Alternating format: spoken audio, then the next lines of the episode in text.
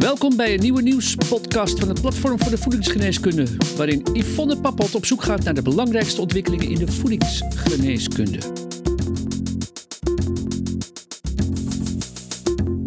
Hallo luisteraars, welkom weer bij de wekelijkse nieuwspodcast van Voedingsgeneeskunde.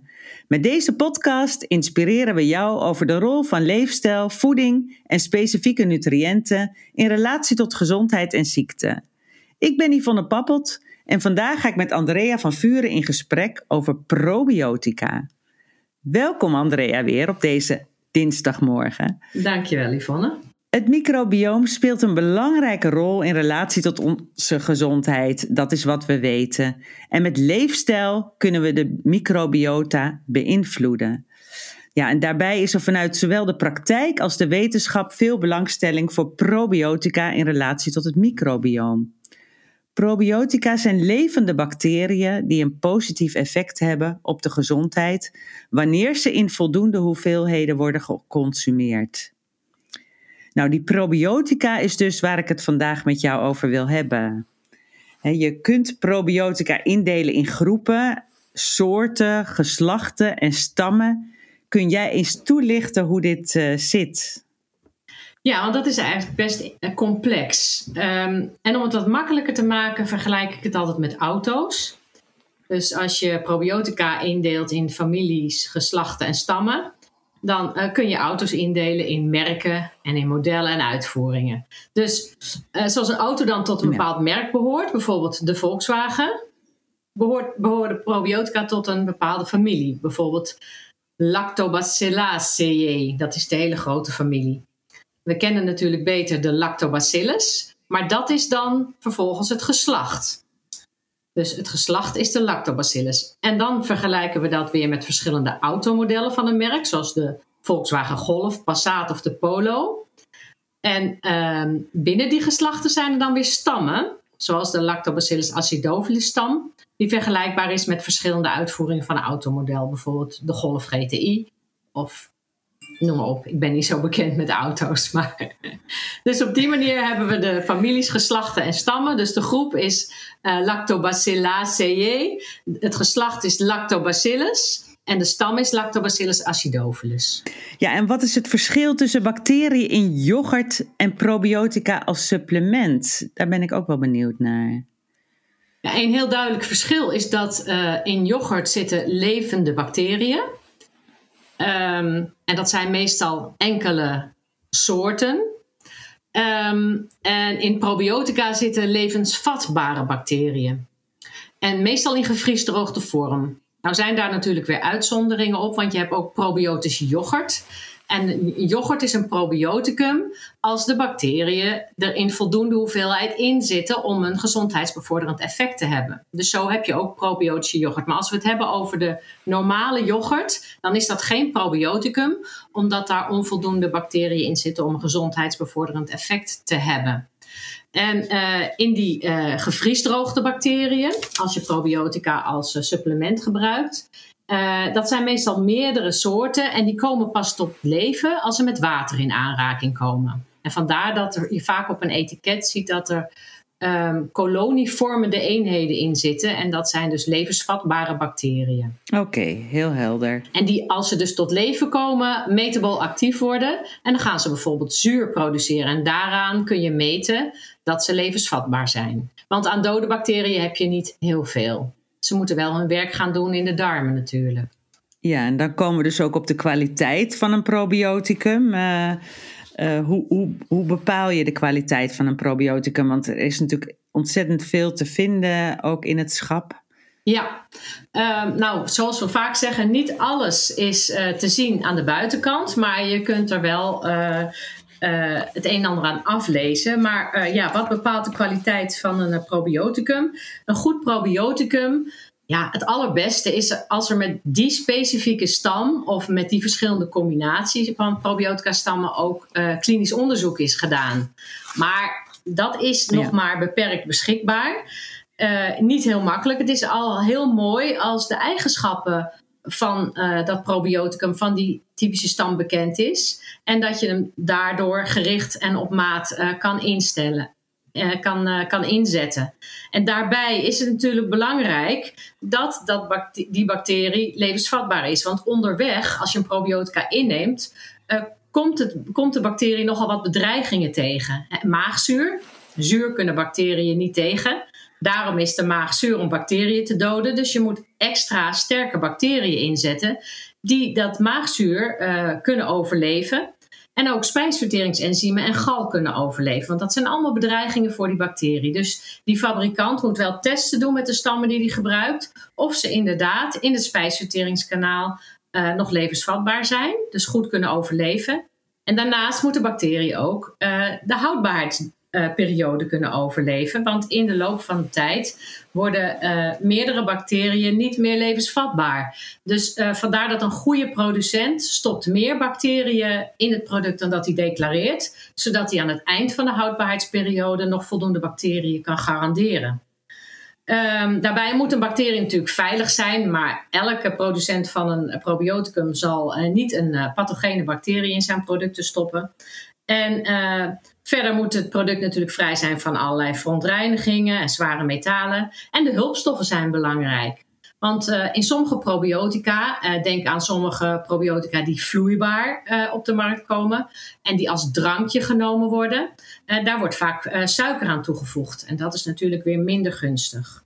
En verder de soort en de hoeveelheid stammen. Hoe meer soorten en stammen je in een product stopt, dus bijvoorbeeld lactobacillen, uh, bifidobacteriën, enterokokken, uh, al die verschillende soorten bacteriën hebben allemaal verschillende eigenschappen. Dus als je die combineert, dan, dan profiteer je van meerdere eigenschappen. En ze zijn ook actief in verschillende plekken in de darm. Dus dan uh, profiteer je ook op verschillende plekken ja. in de darm van de goede eigenschappen. Dus er zijn nogal wat ook, aspecten. Ja, ja, dus ook hierbij weer heel belangrijk om goed etiketten te lezen en je goed te laten informeren, eventueel nog door de fabrikant. Ja, want die betrouwbaarheid van de fabrikant ja. is hier heel belangrijk, omdat je um, de overlevingskans niet aan de buitenkant kan zien. Dus uh, je nee. moet echt uh, op vertrouwen dat die fabrikant gebruik maakt van kwalitatief goede bacteriën. Dus een, een fabrikant ja. Met, ja. met een goede naam en jarenlange ervaring is daarbij wel belangrijk. Ja, en je hebt het over die bedreigingen onderweg die het probioticum tegenkomt en die die bacteriën tegenkomen in het spijsverteringskanaal. Dat maakt uh, toch dat ik uh, met jou door wil vragen van wanneer, op welk tijdstip kun je het best die, dat probioticum nemen? Is, hoe zit dat? Dat is heel moeilijk omdat je niet in die darm kan kijken. Het enige is dat we het gegeven hebben dat bacteriën slecht kunnen tegen maagzuur, spijsverteringssappen en gal. Dus je ziet ja. Maar toch zie je op etiketten verschillende dingen staan. De, uh, op het ene etiket staat tijdens de maaltijd innemen. En bij de andere fabrikant staat um, innemen op een nuchtere maag. Je hebt namelijk de keuze. Op een nuchtere maag gaan die bacteriën heel snel door het maagstraatje en komen dan in de darm terecht. Dus maar kort in een hele zure maag. Dus je zou denken, nou, betere overlevingskans.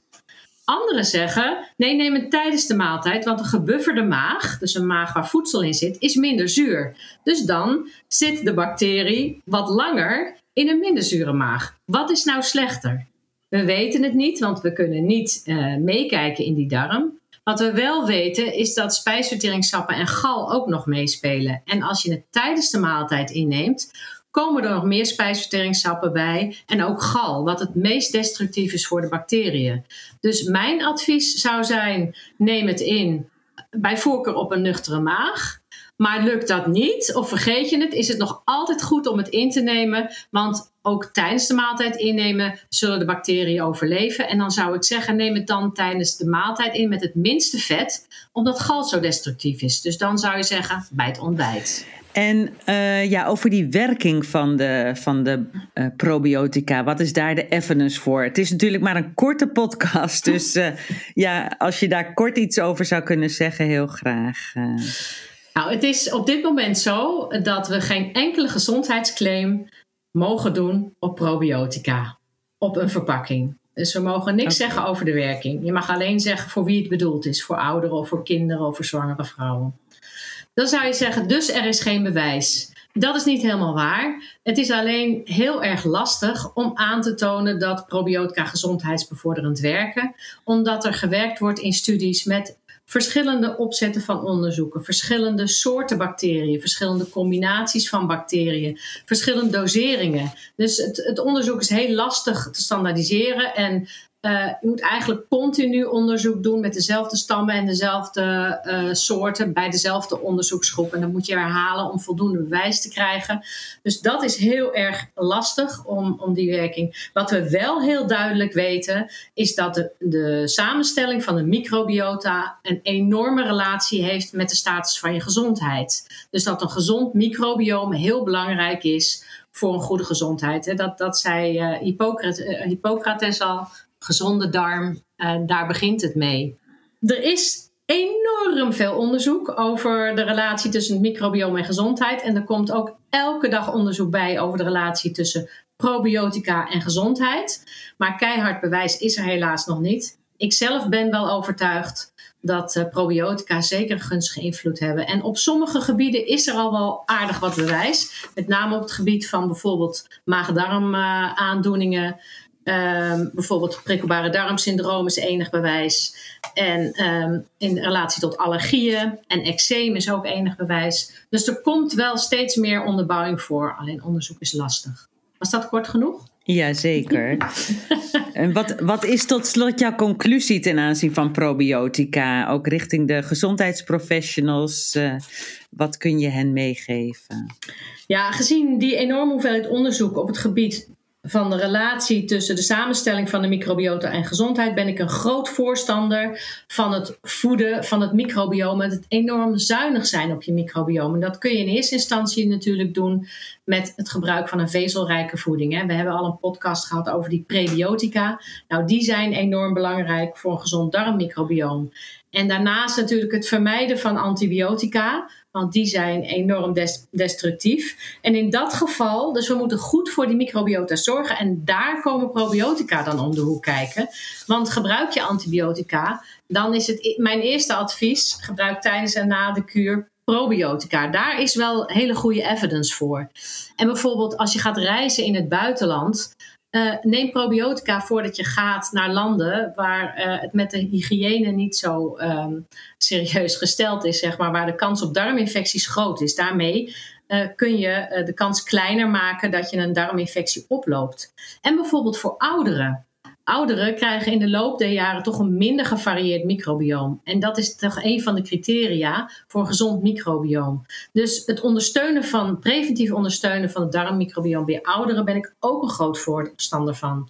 En bij bestaande ziektes, dus minder in de vorm van preventie, dan zou ik inderdaad een gezondheidsprofessional raadplegen, want die kan adviseren wat dan het meest passende probioticum is, wat kan ondersteunen bij dat betreffende ziektebeeld. Ja, nou, dat zijn uh, concrete conclusies. Uh, tot slot het woord van de week, Andrea. Wat is jouw woord? Ja, ik zou eigenlijk de zin van Hippocrates willen noemen: gezondheid begint in de darm.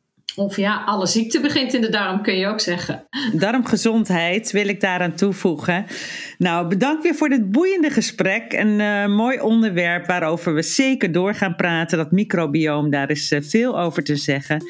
We hebben in deze korte podcast lang niet alles uh, kunnen bespreken, maar toch goede informatie gedeeld naar ons idee.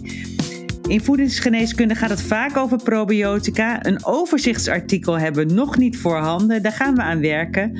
Nou, luisteraars, ook weer heel hartelijk bedankt voor de aandacht. En volgende week is er weer een nieuwe podcast. Dus graag tot dan. Via vakblad, website, podcasts en een jaarlijks congres biedt voedingsgeneeskunde al meer dan 20 jaar professionele en wetenschappelijk onderbouwde kennis. Gratis voor niets, het laatste nieuws in je inbox. Schrijf je dan in voor de wekelijkse nieuwsbrief op www.voedingsgeneeskunde.nl. Redactie en productie Yvonne Papot. Techniek Sjoerd Kaandorp. Voedingsgeneeskunde is een project van uitgeverij Media Medica.